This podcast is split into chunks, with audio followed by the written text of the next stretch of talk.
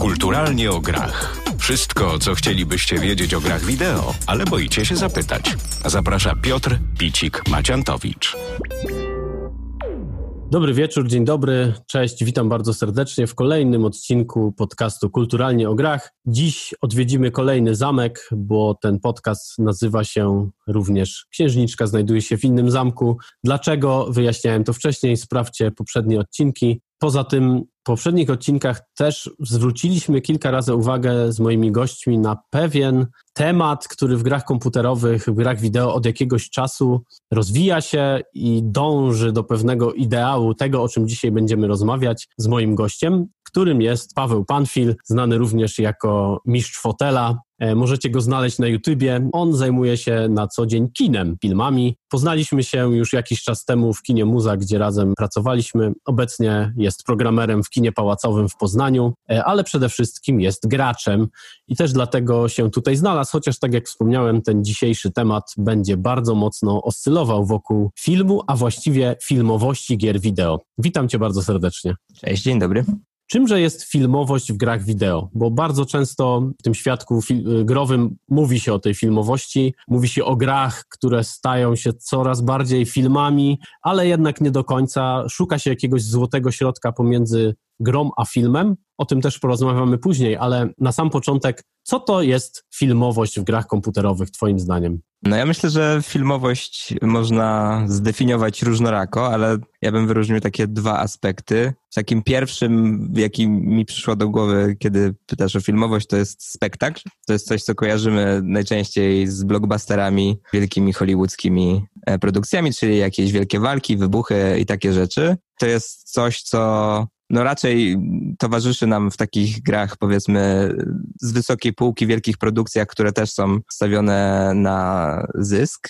No i to są właśnie takie właśnie elementy, że wybuchy, wielkie strzelaniny, czy też, nie wiem, odchodzenie plecami do eksplozji. A z drugiej strony powiedziałbym, że filmowość to jest też jakaś rama. To są, i tutaj raczej schodzimy na teren gier niezależnych i produkcji raczej małych. To jest jakaś taka skondensowana narracja, która pozwala opowiedzieć bardzo przemyślaną historię, przeprowadzić gracza tak naprawdę przez jakąś, jakąś opowieść od punktu A do punktu Z, E, gdzie on tak naprawdę nie ma wiele możliwości ruchu. Ten świat, powiedzmy, jest dosyć skondensowany i zamknięty, e, ale dzięki temu też można bardziej sterować jego emocjami i oddziaływać na to, jak przeżywa daną historię, więc to, jest tak, to są takie ramy, dzięki którym można lepiej oddziaływać na emocje odbiorcy.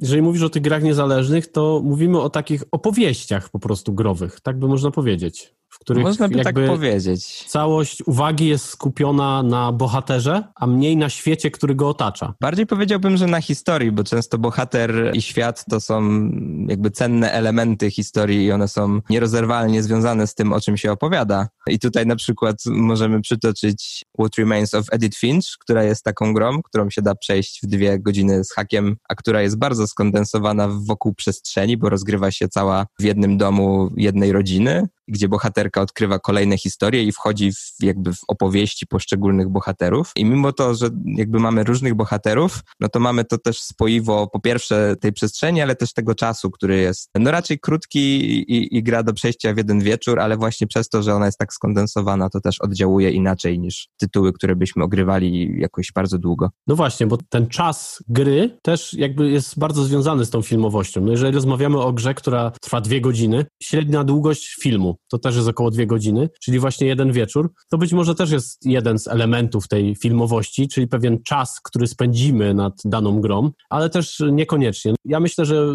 mógłbym dodać do tego, co powiedziałeś, pewne techniki, które używa się w filmach, które zostały adaptowane do gier, czyli przede wszystkim e, praca kamery. W pewnym momencie historii gier komputerowych twórcy zauważyli, że kamera to jest bardzo potężne narzędzie i samą pracą kamery można budować klimat gry, można budować sposób oddziaływania tej gry na człowieka, no bo jest mnóstwo takich gier, teraz jest ich coraz mniej, ale kiedyś e, były takie gry, które miały kamerę przy każdej scenie ustawioną w jednym konkretnym miejscu, nie mogliśmy tego zmieniać, czyli w pewnym sensie można powiedzieć, że to było reżyserowane na zasadzie takiej, że no niech wszędzie możemy zajrzeć, nie wszystko możemy zobaczyć, trochę tak jak w filmie. W filmie też nie możemy wszędzie zajrzeć, też nie możemy wszystkiego zobaczyć, bo to są rzeczy, które no, są ukryte w scenariuszu, czy też jakieś e, triki właśnie reżysersko, czy też może montażowe. Myślę, że warto powiedzieć dwa słowa o historii tej narracji filmowej, o historii filmowości w grach, bo to jest taki złoty gral,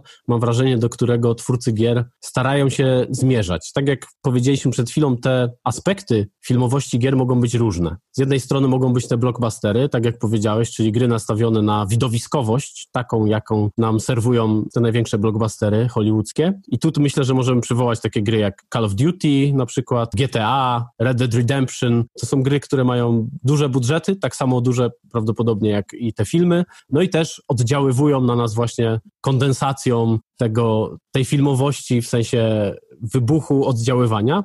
Z drugiej strony mamy też, też te gry mniejsze, które właśnie skupiają się na historii. W czasie tej naszej historii gier komputerowych, na początku oczywiście pierwsze gry, które się pojawiły i które chciały w jakiś sposób tą narrację filmową zaimplementować do siebie, to były gry oparte na filmach. Myślę, że takie dwa tytuły to Tron, czyli gra oparta na filmie Tron. Ci, którzy z Was nie widzieli, to bardzo polecamy film. Myślę, że się zgodzisz z tym. Tak, no zresztą też związany bardzo mocno z tematem gier, więc to jest takie podwójne przejście w jedną i w drugą stronę. Dokładnie, to jest jeden z bardziej growych filmów, jakie kiedykolwiek powstały. Drugi to taki kamień milowy w sensie e, robienia złych gier, to gra E.T., która powstała bardzo szybko i krąży taka legenda, że twórcy tej gry zakopali wszystkie egzemplarze gdzieś na pustyni w Arizonie czy w Nowym Meksyku, już teraz nie wiem. W każdym razie gra była totalną porażką, ale serwowała nam pewną narrację filmową. Pojawiały się tam pierwsze cutscenki, o których też później jeszcze powiemy. No i starały się te gry w jakiś sposób oddziaływać filmowo. Co ciekawe, to wszystko działo się w latach 80. i w tych samych latach 80. powstała również taka gra, która nazywała się Dragon's Lair, która była właściwie takim interaktywnym filmem animowanym. Jej grafika nawiązywała całkowicie do stylu takiego disneyowskiego, no i ona jak na tamte czasy robiła ogromne wrażenie, bo grafika w niej była po prostu filmem animowanym, a równocześnie była grom. No i myślę, że warto też wspomnieć o pierwszej grze, która właśnie te wspomniane cutscenki miała, czyli takie fabularne przerywniki, to gra, którą na pewno wszyscy znacie, czyli gra Pac-Man. O tym żółtym, żółtej kulce, która zjada inne małe kulki. Gra wydawałaby się totalnie bez fabuły, a jednak ta gra posiadała fabułę i posiadała również te fabularne przerywniki. Kolejnym etapem filmowości gier w latach 90. pojawiły się rzeczy, o których wspomniałem przed chwilą, czyli ta praca kamerą. Były takie gry jak Alone in the Dark, Resident Evil, czy Metal Gear Solid Hideo Kojimy, który wydaje mi się jeszcze dzisiaj pojawi się przynajmniej raz albo i więcej razy w trakcie naszej dyskusji, bo to nazwisko bardzo ważne dla branży gier komputerowych i w kontekście filmowości gier i w kontekście w ogóle pewnych nowatorskich rozwiązań w grach, ale również w latach 90. pojawił się taki temat, który nazwano full motion video, czyli do przerywników w grach postanowiono zatrudniać prawdziwych aktorów, yy, nagrywano prawdziwe filmowe scenki. Do dzisiaj wspomina się ten okres tych full motion video, czy w skrócie FMV, jako okres no, może nie czarny, ale taki, który związany jest raczej z niską jakością tych produkcji i fabularnie, i aktorsko, bo zatrudniani tam byli raczej aktorzy klasy C, D i może jeszcze dalszych. Potem nastała epoka po 2000 roku, gdzie ta filmowość już naprawdę weszła na taki dużo wyższy level. Pojawiły się gry, które już bardzo mocno aspirowały do snucia pewnych opowieści i nie skupiały się tylko i wyłącznie na tej rozgrywce. Może tutaj się zatrzymam, bo chciałbym Ci zadać kolejne pytanie. Gry można podzielić tak bardzo podstawowo na pewne dwa aspekty. Pierwszy to jest gameplay, czyli rozgrywka właściwa, w co gramy, w jaki sposób gramy, pewne mechaniki rozgrywki.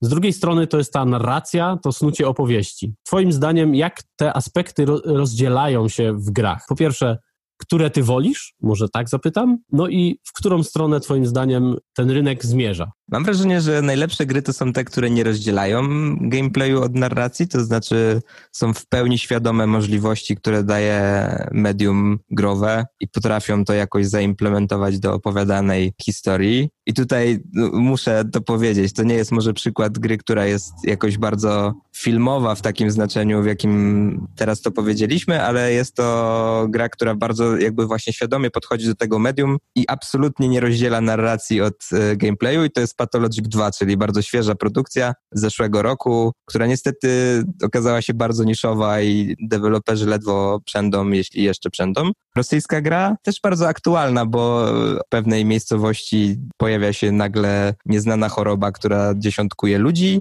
a my wcielamy się w syna chirurga, który przed chwilą zmarł e, i musimy no jakoś albo sobie poradzić z tą chorobą, albo spróbować po prostu przeżyć. To jest gra, w której z jednej strony mechanika jest absolutnie związana z tą narracją, bo mamy po części survivalowa gra, to znaczy mamy bardzo dużo wskaźników typu głód, zmęczenie, pragnienie, więc musimy o nie dbać, a z drugiej strony no właśnie mamy tę pandemię, która gdzieś tam szaleje po ulicach, szaleje w bardzo dosłowny sposób, bo to są takie chmury, które się przemieszczają. No i też musimy z tym walczyć i to jest z jednej strony bardzo takie survivalowe, w sensie naprawdę trudno jest to przeżyć. No i to jest przykład moim zdaniem absolutnego szczytu na ten moment, jaki można osiągnąć, łącząc gameplay z narracją, ale w takim bardziej, powiedziałbym, klasycznym przykładzie, to ta narracja wjeżdża głównie w cutscenkach, które, i tutaj już na szczęście twórcy mają świadomość, że nie zawsze im wychodzi, które czasem da się pomijać. Ja na przykład grałem ostatnio w Just Cause 4,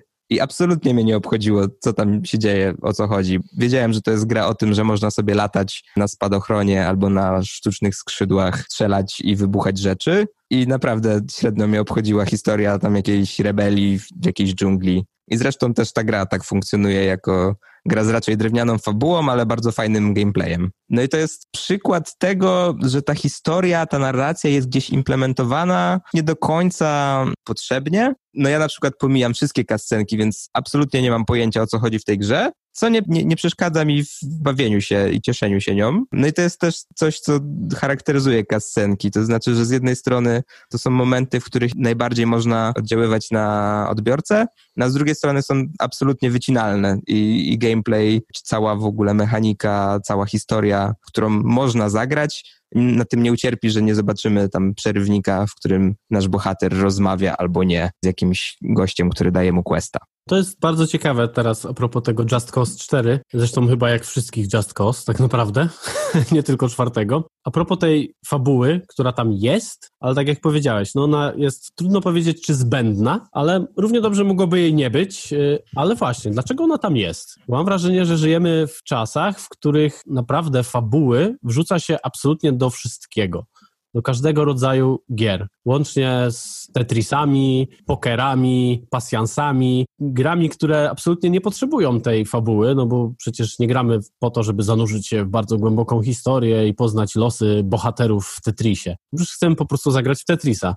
Jak myślisz, dlaczego ta fabuła jest tak implementowana pewnie czasami na siłę, pewnie czasami możemy się zaskoczyć, że gra typu Tetris może mieć świetną fabułę, ale dlaczego tak jest? Czy ludzie potrzebują fabuły, ludzie potrzebują historii, czy po prostu twórcy jakoś sobie ubzdurali, że fajnie jakby było? Dwie odpowiedzi. Z jednej strony storytelling stał się w ostatnich latach bardzo popularnym pojęciem, który przekroczył jakby same media, które skupiają się na opowiadaniu historii i wszedł też w takie biznesowe klimaty. Więc jeśli storytelling wchodzi do biznesu, to tym bardziej powinien być obecny w medium, które jednak opowiada jakieś historie, nawet jeśli częściej skupione jest na mechanice. To z jednej strony. A z drugiej strony to jest trochę tak, że jeśli robisz takie Just Cause, które jest jakąś serią, jakąś marką i musisz tak naprawdę wydawać kolejne tytuły, żeby istnieć ciągle na rynku, to tak trochę nie masz czasu na rozkminianie, czy tak naprawdę jest ci potrzebna ta fabuła, czy nie. Po prostu musisz tam coś zrobić, nawet napisać najbardziej generyczną fabułę, jaką jesteś w stanie napisać, tylko po to, żeby jakoś uzasadnić mechanikę, która jest clue gry. Też mam wrażenie, że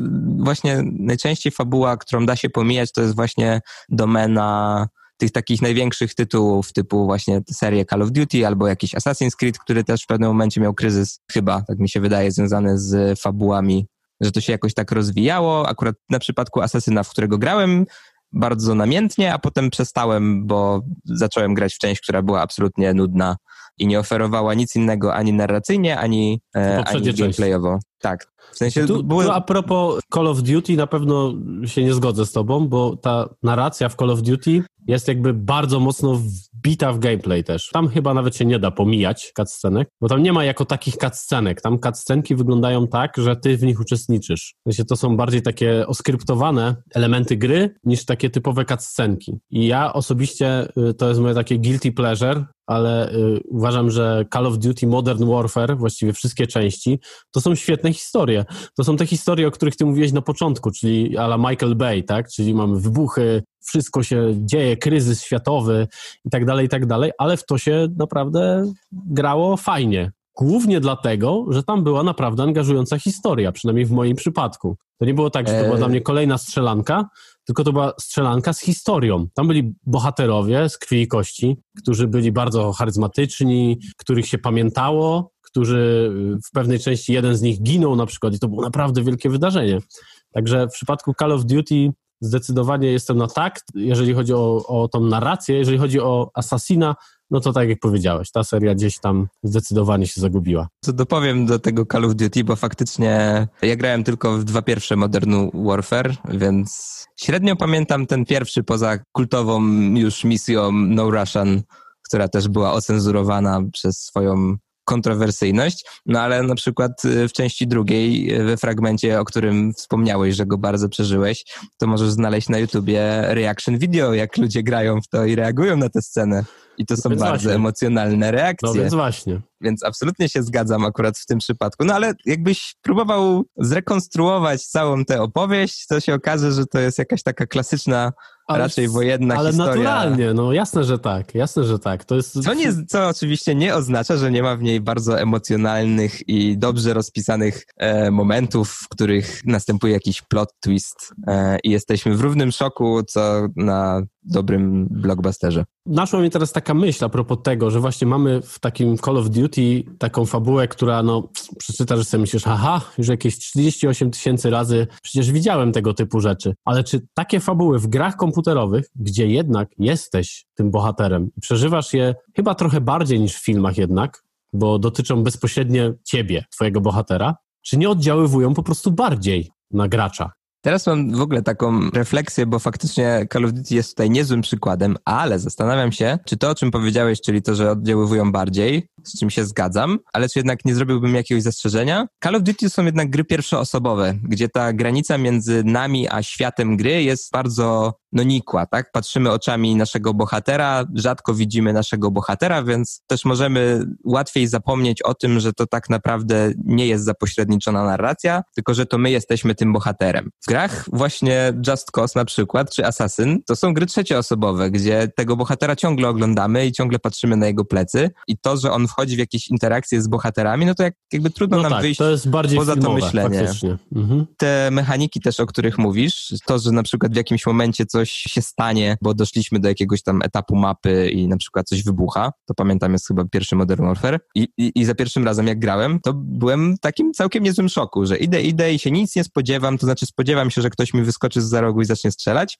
ale na przykład nie spodziewam się, że coś mi wybuchnie i statek nagle zacznie tonąć. Przez to właśnie, że jesteś też bezpośrednio w tym świecie, ale też przez to, że one tak naprawdę to nie są scenki, to są zaplanowane momenty danych wydarzeń, ale tak naprawdę jakby moment, w którym nie możesz ingerować w świat, kiedy nie masz kontroli nad bohaterem, to jest raptem kilka sekund. Tego na przykład wybuchu i się przewracasz, albo tego skoku i nagle zaczynasz spadać, a po chwili znowu możesz kontrolować bohatera. Więc to są takie bardzo krótkie momenty i one najlepiej działają. Natomiast te takie, powiedziałbym, bardziej udramatyzowane i dłuższe sceny, kiedy jednak masz chwilę, żeby, nie wiem, usiąść wygodniej w fotelu, bo tak się zaangażowałeś, że zapomniałeś siedzieć prosto, no to, to są takie momenty, w których jednak trochę musisz wyjść z tego i trochę przestaje to tak oddziaływać na ciebie. A jeżeli w ogóle oglądasz swojego bohatera cały czas i wiesz, że to nie ty, no to tym bardziej to tak nie oddziałuje. No tak, Więc- zgadza się. Kwestia perspektywy trochę, w sensie w grach. Jasne. Oczywiście też porównanie tego Call of Duty do Assassin's Creed'a jest trochę na wyrost, no bo jednak to są inne gry. Call of Duty to jest po prostu naparzanka, mówiąc krótko. Tymczasem Assassin's Creed, no to jest rozbudowana gra, ta historia jest bardziej, bardziej rozbudowana, już pomijam jej jakość. Ta historia płynie przez dużo więcej czasu przynajmniej, bo żeby skończyć takiego Assassina, no to pewnie z 20, 30, 40 może godzin potrzeba.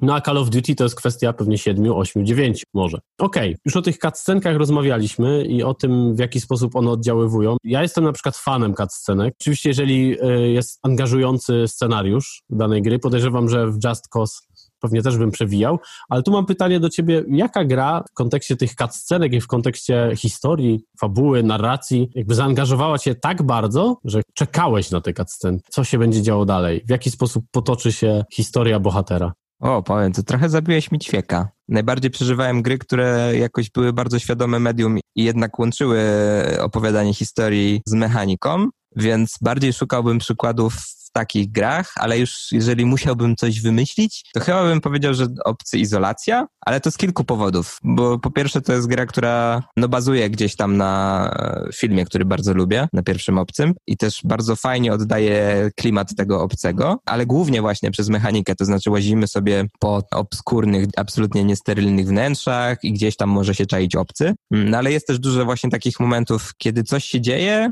ale znowu to jest gra pierwszoosobowa, więc mój argument trochę e, znaczy moja teza trochę zostaje potwierdzona. No ale to tam właśnie były jakieś takie najbardziej emocjonujące momenty. Ale też właśnie przez to, że te cutscenki były, w sensie granica między gameplayem a cutscenką była płynna, i w sumie nie wiedziałeś, czy możesz kontrolować bohatera w danym momencie, czy nie, i przez to też czasami ginąłeś, bo się nie zorientowałeś dostatecznie szybko, to oddziaływało bardziej. W sensie, no nagle idziesz, idziesz, coś się dzieje niespodziewanego i wygląda to jak cutscenka, pojawiają jest. się jakieś mechaniki, których wcześniej nie było, a nie jest. I no, okazuje się, że coś trzeba było zrobić, a się nie zrobiło. Gra, o której też już wspomniałeś zresztą w poprzednim swoim odcinku podcastu, czyli The Walking Dead, Telltale'a. Tu jest jakby trudniej mówić tutaj o cutscenkach, no bo też specyfika gry jest taka, że to właściwie są bardzo długie cutscenki, w których tam twoje możliwości są raczej ograniczone. No tak, to zdecydowanie. O tej grze jeszcze na pewno powiemy kilka słów później. Dobrze, teraz cofniemy się trochę w przeszłość, bo istnieje pewna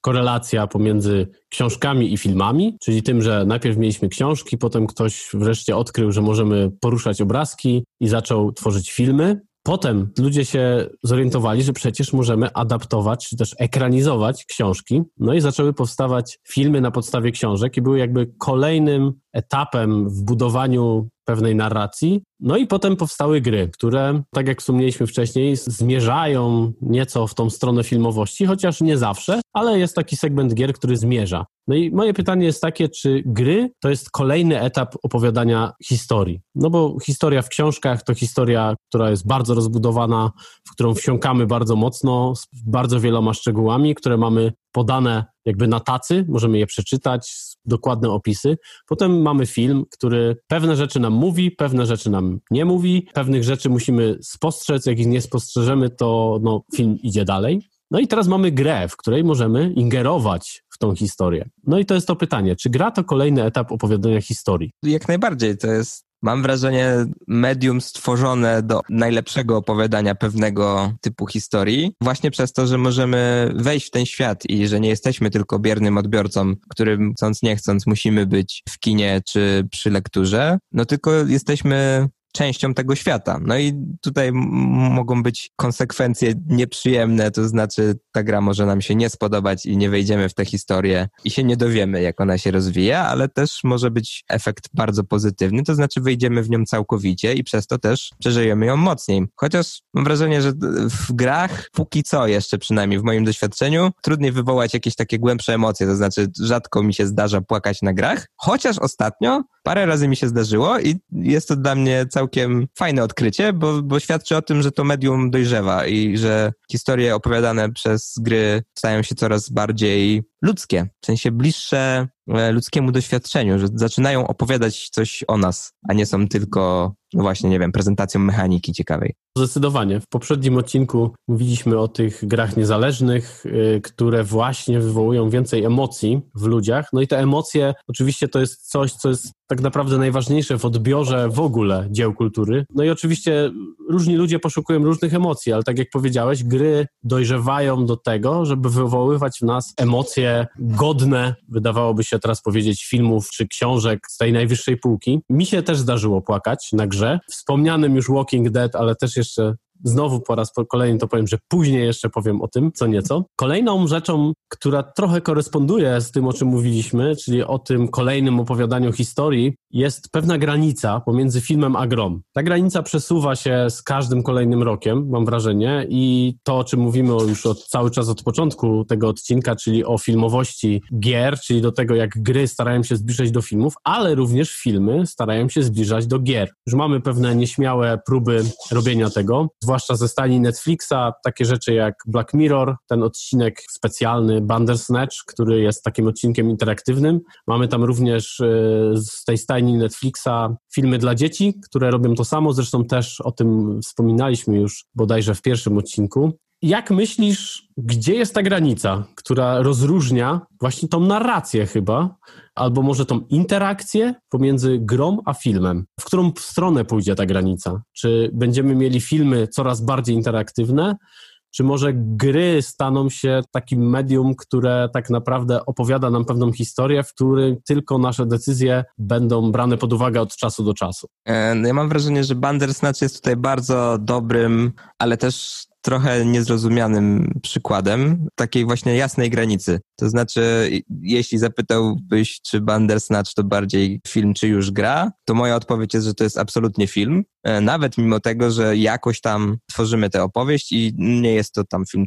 dwugodzinny, tylko chyba czterogodzinny, żeby przejść od początku do napisów końcowych. No ale jest to film, w którym nasza rola jakby sprowadza się tylko do tego, że albo wybieramy opcje dialogowe, bodajże tam się pojawiały i można było wybrać decyzję w kluczowym momencie. No i, i to jest bardzo nikła ingerencja w ten świat. To znaczy my jako gracz, czy tam jako widz, no właśnie, pytanie kim jesteśmy w tym przypadku, była bardzo ograniczona, ale też, jako że jest to Black Mirror, więc tematy takie bardzo niepokojące musiały wejść, jest to film, w którym my, jako widz gracz, się ujawniamy i wchodzimy w dialog z naszym bohaterem, którego gdzieś tam kontrolujemy w jakiś sposób. Więc to jest tak naprawdę film, który bardzo świadomie pokazuje nam, że jednak jest tylko filmem, który sugeruje, że jest grom, ale jednak nią nie jest. I myślę, że, że ta granica przebiega no właśnie w tym momencie, w którym możemy zrobić coś więcej niż twórcy jakby nam pozwolili zrobić. To znaczy, że twórcy przygotowują dla nas coś więcej niż tylko narrację. Na przykład przygotowując dla nas otwarty świat, po którym sobie możemy pobiegać. No tak, ale takich gier z otwartym światem, czyli tak zwane sandboxy, no to też jest jakiś tam nurt w grach. Nie jest to większość gier. Większość gier tak naprawdę też prowadzi nas przecież za rączkę. Daje nam tak naprawdę bardzo często zgubne wybory, na zasadzie, że wydaje nam się, że podejmujemy najważniejsze wybory w całej grze, a okazuje się, że czasami są to wybory, które i tak prowadzą nas do tego samego zakończenia. Ja na przykład w przypadku Bandersnatch nieco odbiłem się od tego, bo dla mnie tam ten sposób wyboru trochę mnie zniechęcił, bo przy trzech pierwszych wyborach cofnęło mnie, a może jednak przemyślisz to jeszcze raz i wybierzesz to, co my chcemy, żebyś wybrał. Więc to mnie trochę e, odbiło. Ale dlaczego o to zapytałem? Bo z drugiej strony też istnieją takie gry jak Heavy Rain, Beyond Two Souls, czy najnowsza produkcja studia Quantic Dreams, studia, które specjalizuje się w robieniu takich interaktywnych filmów, gdzie absolutnie nie mamy do czynienia z otwartym światem, absolutnie nie mamy do czynienia ze światem, w który możemy jakoś ingerować, tak naprawdę podejmujemy tylko decyzje. Podobnie jak właśnie w tym odcinku, czy też w filmie specjalnym Black Mirror. No i tak naprawdę, jeżeli wzięlibyśmy pod uwagę coś więcej niż y, zmiany graficzne, że tu mamy nakręcone kamerą rzeczy, tutaj mamy generowane przez y, komputery, no to te rzeczy są bardzo blisko siebie. Oczywiście w grach Quantum Dreams mamy też więcej rzeczy takich gameplayowych, ale czy takie rzeczy na przykład nie pojawią się w przyszłości w filmach? To jest to pytanie. Ciekawe pytanie i myślę, że takie próby jeszcze przed nami, ale ten sam fakt tego, że no ty na przykład się odbiłeś od Bandersnatcha i też wiele osób, które podjęło próbę obejrzenia tego odcinka się odbiło, przynajmniej z kręgu moich znajomych, no świadczą o tym, że jednak czujemy pewną nieprzystawalność, tak? Jeżeli odbiłeś się dlatego, że uznałeś, że te wybory, no to jednak nie są prawdziwe wybory i nie wiem, lepiej sobie pograć na przykład, niż takie bieda wybory tutaj dokonywać, no to świadczy o tym, że to jednak weszło w pewne rejony, które nie przystawały do tego medium. A z drugiej strony takie gry jak Heavy Rain, no to też jest rozgrywka na powiedzmy, nie wiem, 7 godzin. Tak wydaje mi się, że tyle trwa przejście. Kiedyś poszedłem do kolegi i spędziłem całą noc grając w Heavy Rain i skończyłem rano i to w sumie trochę jakbym poszedł na maraton filmowy. No i, z jednej strony, okej, okay, to jest historia, która jest bardzo ograniczona, to znaczy nasze interakcje ze światem ograniczają się najczęściej do tam przestrzeni jednego pokoju, czy tam chyba, nie wiem, największe co można było zwiedzić to centrum handlowe, ale też w bardzo ograniczony sposób. Grając w Heavy Rain miałem ten problem, tam właśnie pojawiały się quick time eventy, czyli trzeba było w pewnym momencie cutscenki wcisnąć dany przycisk, żeby na przykład przeskoczyć przeszkodę, albo kogoś uderzyć, albo zablokować jakiś cios. I mój problem polegał na tym, że ja na przykład nie wiedziałem, czy to, że kliknąłem albo nie kliknąłem ma jakieś znaczenie, że oglądam sobie tę scenkę i tam wyskakuje mi naciśnij X, ja naciskam ten X i coś się dzieje, ale ja tak naprawdę nie wiem, czy to się dzieje dlatego, że ja nacisnąłem ten X, czy, czy jakbym go nie nacisnął, to stałoby się to samo. I ta gra gdzieś tam bardzo mocno bazowała na tym, co dla mnie jako osoby, która nie była przyzwyczajona do quick time eventów, nie wiem, trochę mnie wyrzucało z tego. Znaczy fajnie się oglądało, jak twój bohater czasem obrywa po twarzy, bo ci nie wyszło wystarczająco szybkie naciśnięcie przycisku, ale jednak gdzieś tam też wyrzucało mnie z tej narracji i tak wątpiłem, czy ja jeszcze gram, czy już jednak oglądam tylko jakąś zaplanowaną wcześniej scenę. No czyli ta granica jest tak naprawdę na dzień dzisiejszy, może płynna to złe słowo, ale bliskie te media są do siebie. Mam wrażenie, że medium filmowe będzie jeszcze jeszcze chciało w to pójść, bo może się okazać, że tak naprawdę porażka z mojej strony Bandersnatcha nie wynikała absolutnie z tego, że to było źle zrobione, tylko było źle napisane na przykład. Oj nie, ja myślę, że porażka wynikała z tego, że miałeś inne podejście, to znaczy ten film był reklamowany jako właśnie coś, co daje ci wybór mhm. i że o, możesz sobie teraz decydować o tym, jak się potoczy historia, natomiast jakbyś doszedł do napisów końcowych, to byś się dowiedział, że absolutnie taki nie był zamysł, to znaczy, że to, że po trzech wyborach twórcy cofają cię na początek, to jest absolutnie przemyślana decyzja i ty masz być na tym początku, bo tak naprawdę ten początek już nie jest taki sam, co też było do wychwycenia, jak trzy razy obejrzałeś to samo i nagle stwierdzasz, hej, on siedział inaczej w tej scenie, albo tam zrobił coś innego poprzednim razem. I było takie, o mój Boże, ten świat się zmienia i jakby jest świadomy tych moich decyzji, ale to nie jest takie oczywiste. A, czyli, e, koncept, e... czyli koncept tutaj trochę kulał po prostu, bo chciałem powiedzieć o czytelność, tym, że... Czytelność konceptu. Tak, że jest, też, że jest też przecież bardzo dużo gier, które działają w podobny sposób. Na zasadzie podejmiesz złą decyzję, to twórcy cofają cię tak, żebyś ty tą decyzję podjął taką, jaką oni chcą. Więc jakby tutaj widzę tą korelację pomiędzy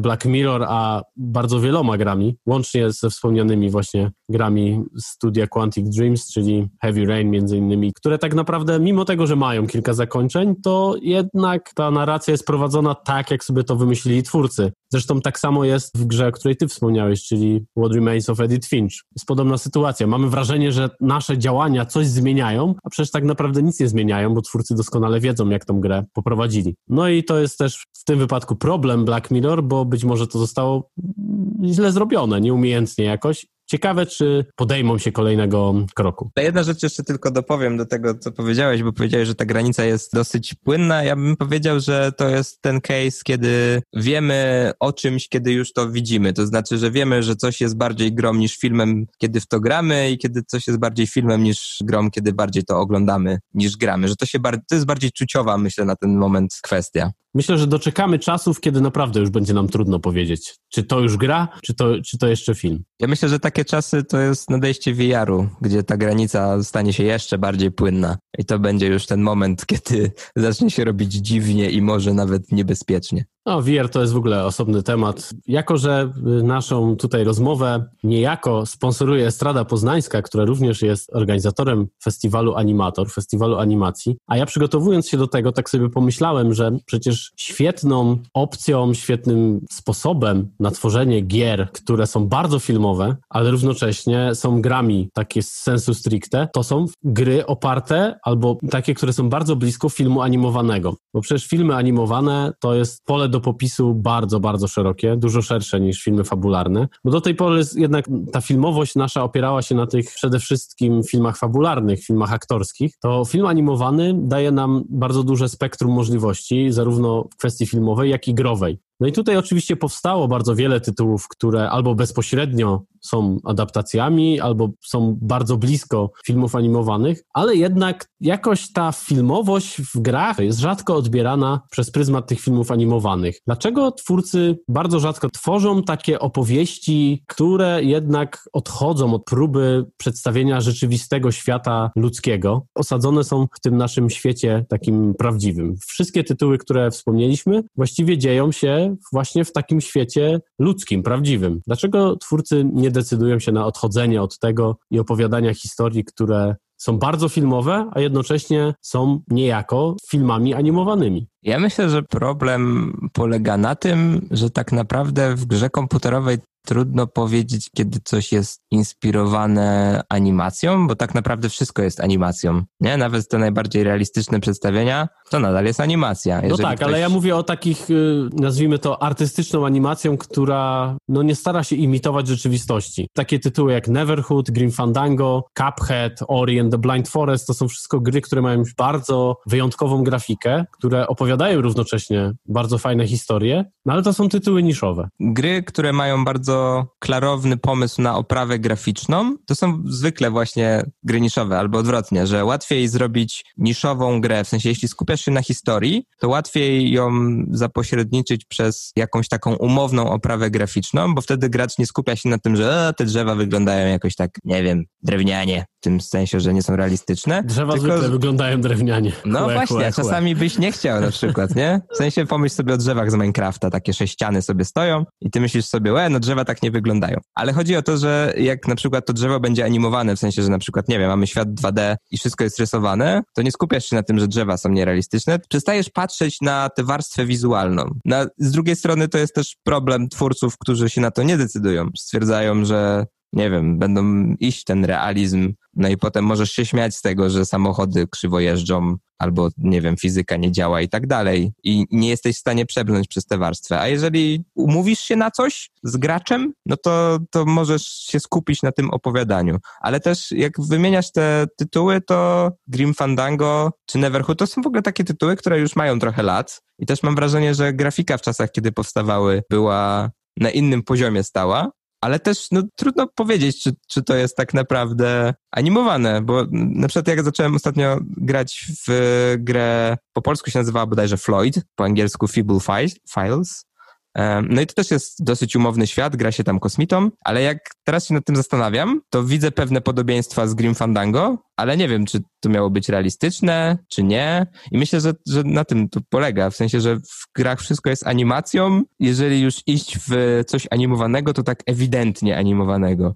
I na przykład zrobić Cupheada, który no ewidentnie nie ma być realistyczny. Bo animacja animacji nierówna, w sensie, że mamy też filmy animowane, które starają się imitować rzeczywistość. Ta animacja w naszych czasach obecnych jest już niemalże hiperrealistyczna i bywają takie filmy, że naprawdę trudno rozróżnić, czy to jest jeszcze animacja, czy już film aktorski. Świetnym przykładem jest tutaj ta seria Netflixa Love, Dead and Robots, tak to się chyba nazywało? Chyba tak, nie wiem, czy w takiej kolejności. No, no tak. tak, w każdym razie tam jest kilka tych odcinków, które mają animację naprawdę na takim poziomie, że jest blisko filmu aktorskiego, ale ja bardziej myślę właśnie o tych filmach animowanych, tak jak ty powiedziałeś, że bardzo animowanych, czyli takich, które które e, no, odjeżdżają sobie w jakieś tam swoje światy. No i wspomniany e, Grim Fandango oczywiście ma swój styl, ma też świetną opowieść i też to jest gra już faktycznie dosyć wiekowa, no ale to jest styl, który się nie zestarzał. W tą grę możesz sobie odpalić dzisiaj i grałem w nią jakieś dwa lata temu i no to nadal wyglądało dobrze. A wspomniany też Neverhood to jest w ogóle historia już animowana bardzo, bardzo, bo to jest gra plastelinowa, czyli robiona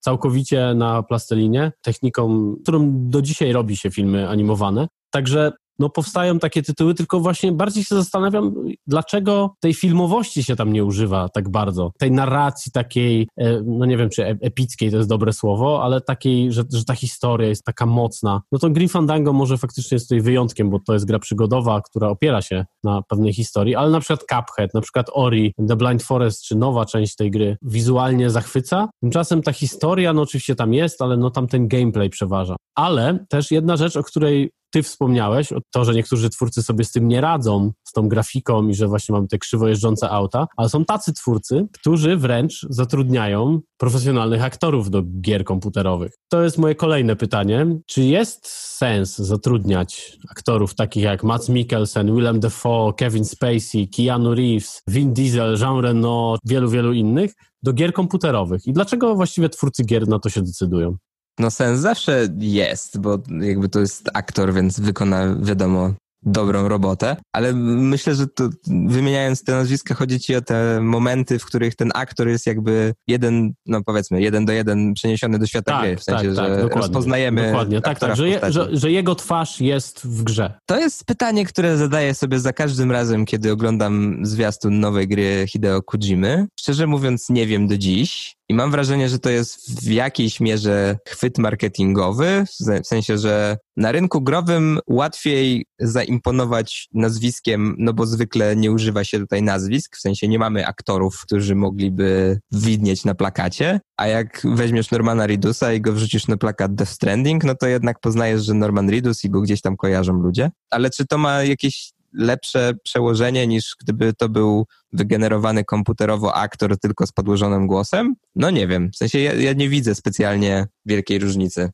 Trudno mi się odnieść do tego, bo też mało, mam wrażenie, gier przegrałem, w których byłby taki case. No, czyli jakby twoim zdaniem to jest po prostu chwyt marketingowy. Lepiej sprzedać tak. grę, w której pojawi się, mówiąc kolokwialnie, znana morda, Moje zdanie jest chyba podobne tak naprawdę, tylko się zastanawiam, czy takie tytuły właśnie jak Call of Duty, w którym pojawił się Kevin Spacey, Gary Oldman zdaje się też, czy to było tym grom w ogóle potrzebne do tego, żeby, żeby się sprzedać jeszcze bardziej, bo przecież wiadomo, że te gry się sprzedadzą bardzo dobrze. Kolejnym przykładem, no oczywiście jest nasz rodzimy CD Projekt Red, który zatrudnił Keanu Reevesa do nowej produkcji, do Cyberpunka 2077. Podejrzewam, że kasa tam dosyć spora poszła. Oczywiście Keanu Reeves to jest człowiek, którego kochają wszyscy, więc może chcieli, żeby bardziej pokochać przy okazji tą grę. Tych nazwisk jest bardzo, bardzo dużo. Ja sam się zdziwiłem, robiąc research do tego odcinka, jak wielu aktorów uczestniczyło w produkcjach gier. To zatrudnianie aktorów to wcale nie jest taki nowy trend. To już są lata 90.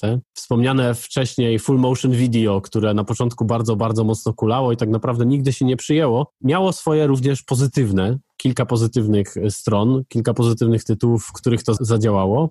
To były takie tytuły jak seria strategicznych gier, Nomen Omen, czyli Command and Conquer, których tych, w tych przerywnikach Mm, pojawiali się y, aktorzy, może nie z tej takiej najwyższej półki, ale na pewno aktorzy, którzy komuś, kto trochę jest obeznany z kinem, coś powiedzą, czyli tacy ludzie jak J.K. Simmons, Jonathan Price, Tim Curry czy Peter Stormer. Z jeszcze kolejnej strony mieliśmy taką serię jak Wing Commander i to są naprawdę wczesne lata 90.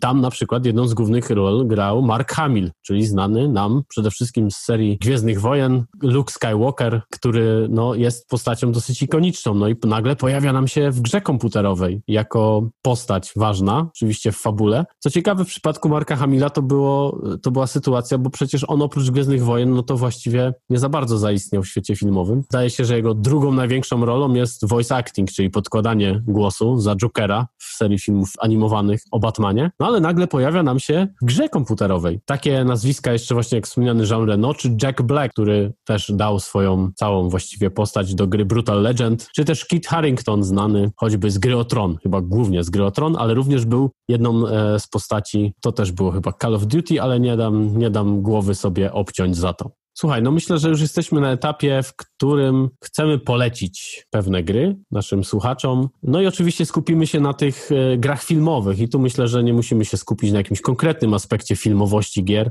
Jakie są twoje gry filmowe? To ja zacznę od tytułu, który już tam gdzieś się przewinął, czyli Obcy Izolacja, jako tytułu filmowego na kilku płaszczyznach. No po pierwsze na tym, że jest to gdzieś gra na licencji, ale też e, pod względem tego, że bardzo fajnie oddaje klimat filmu, ale też e, oferuje bardzo ciekawą historię, która jest jakimś takim rozwinięciem tego, co znamy, przy jednoczesnym oddaniu szacunku tej serii, co jakby w samej filmowości, czy na gruncie serii filmowego e, gruntu nie zawsze tam wychodziło. E, w obcym trochę może powiem o co w tym chodzi, bo nie jest to takie oczywiste. Gra jest pierwszoosobowa. Chodzi o to, że wcielamy się w córkę Ellen Ripley, która próbuje odkryć, co się stało z jej matką.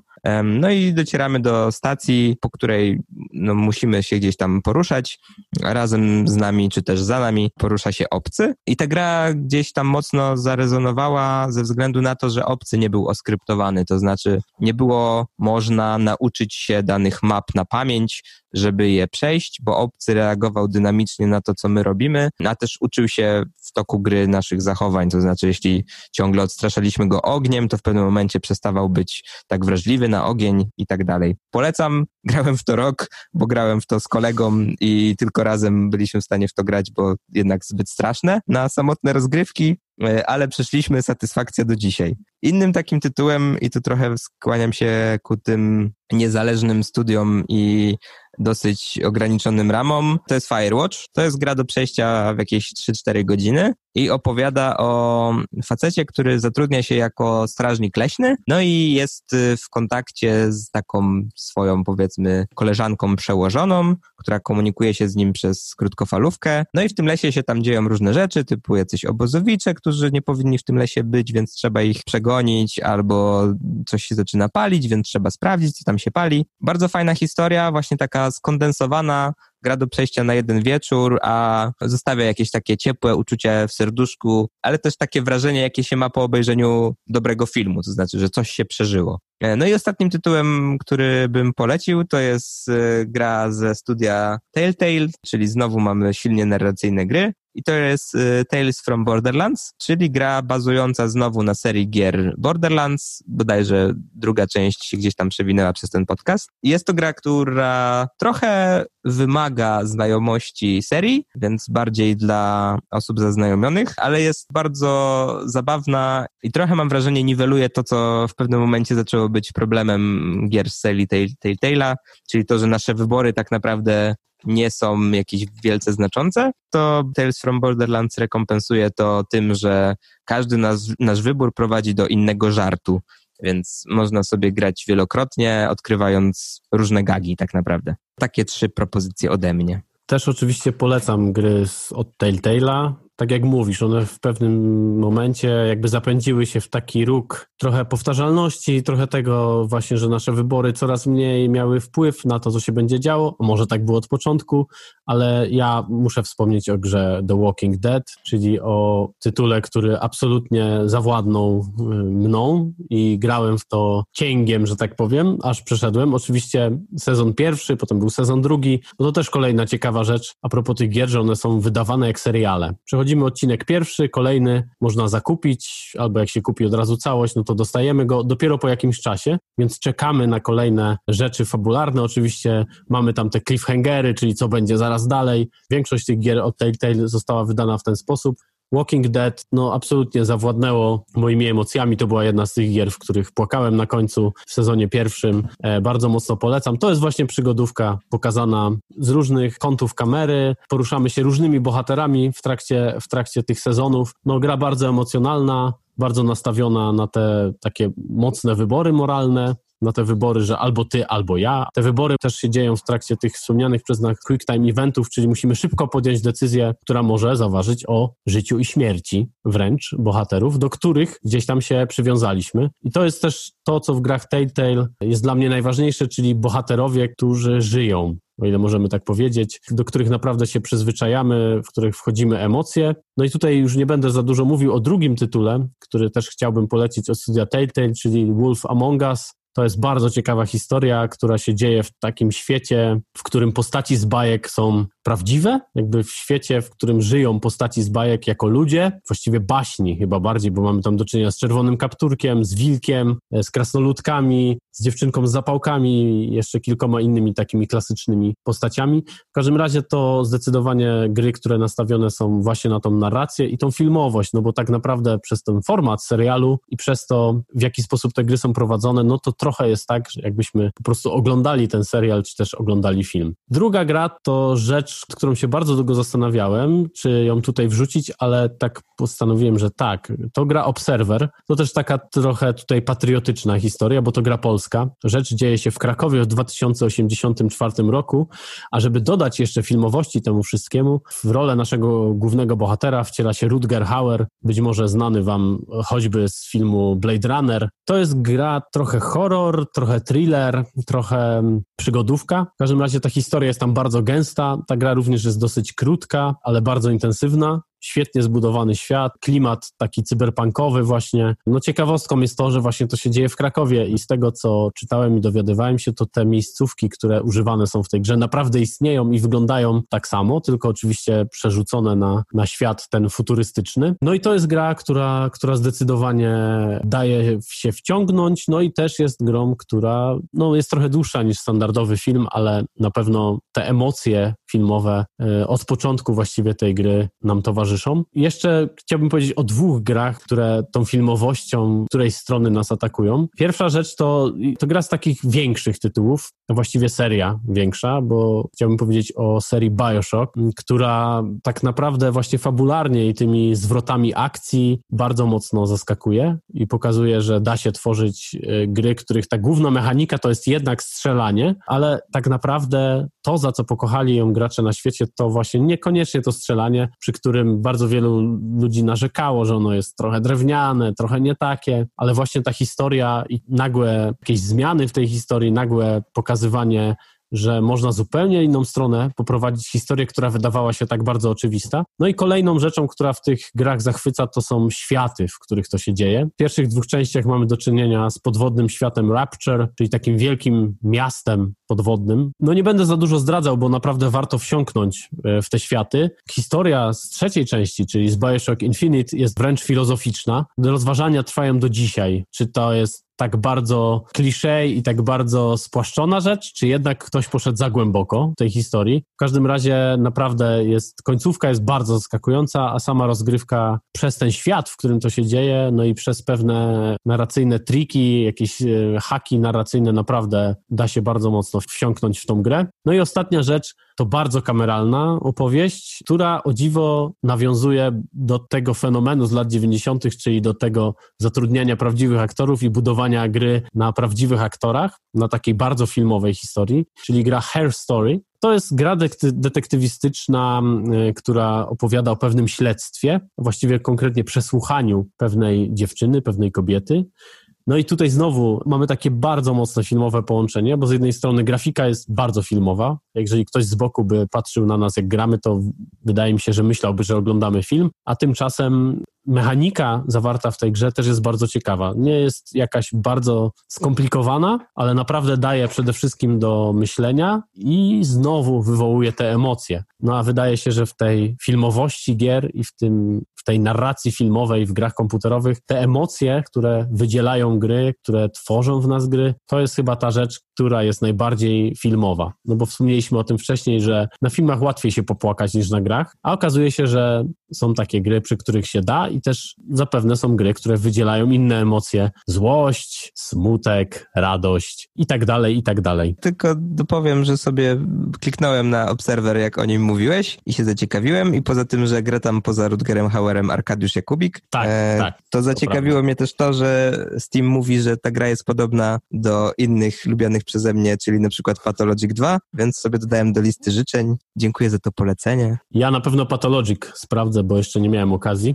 Bardzo dziękuję Ci za rozmowę. To ja dziękuję. Od razu mogę zdradzić, że spotkamy się jeszcze raz. W kontekście oczywiście filmowym, ale myślę, że jednak trochę innym, bo bardziej filmowym. Będziemy rozmawiać o filmach bezpośrednio, które oczywiście korespondują z grami. To tyle tego teasera czy trailera na teraz. Moim gościem był Paweł Panfil, znany również na YouTubie jako mistrz fotela. Jeszcze raz bardzo Ci dziękuję i zapraszam do wysłuchiwania kolejnych odcinków podcastu Kulturalnie o Grach. Zapraszam do kolejnego zamku. Pamiętajcie, księżniczka znajduje się w innym zamku. Do zobaczenia, do usłyszenia. Cześć. Trzymajcie się. To był podcast Estrady Poznańskiej Kulturalnie o Grach. Więcej na estrada.poznan.pl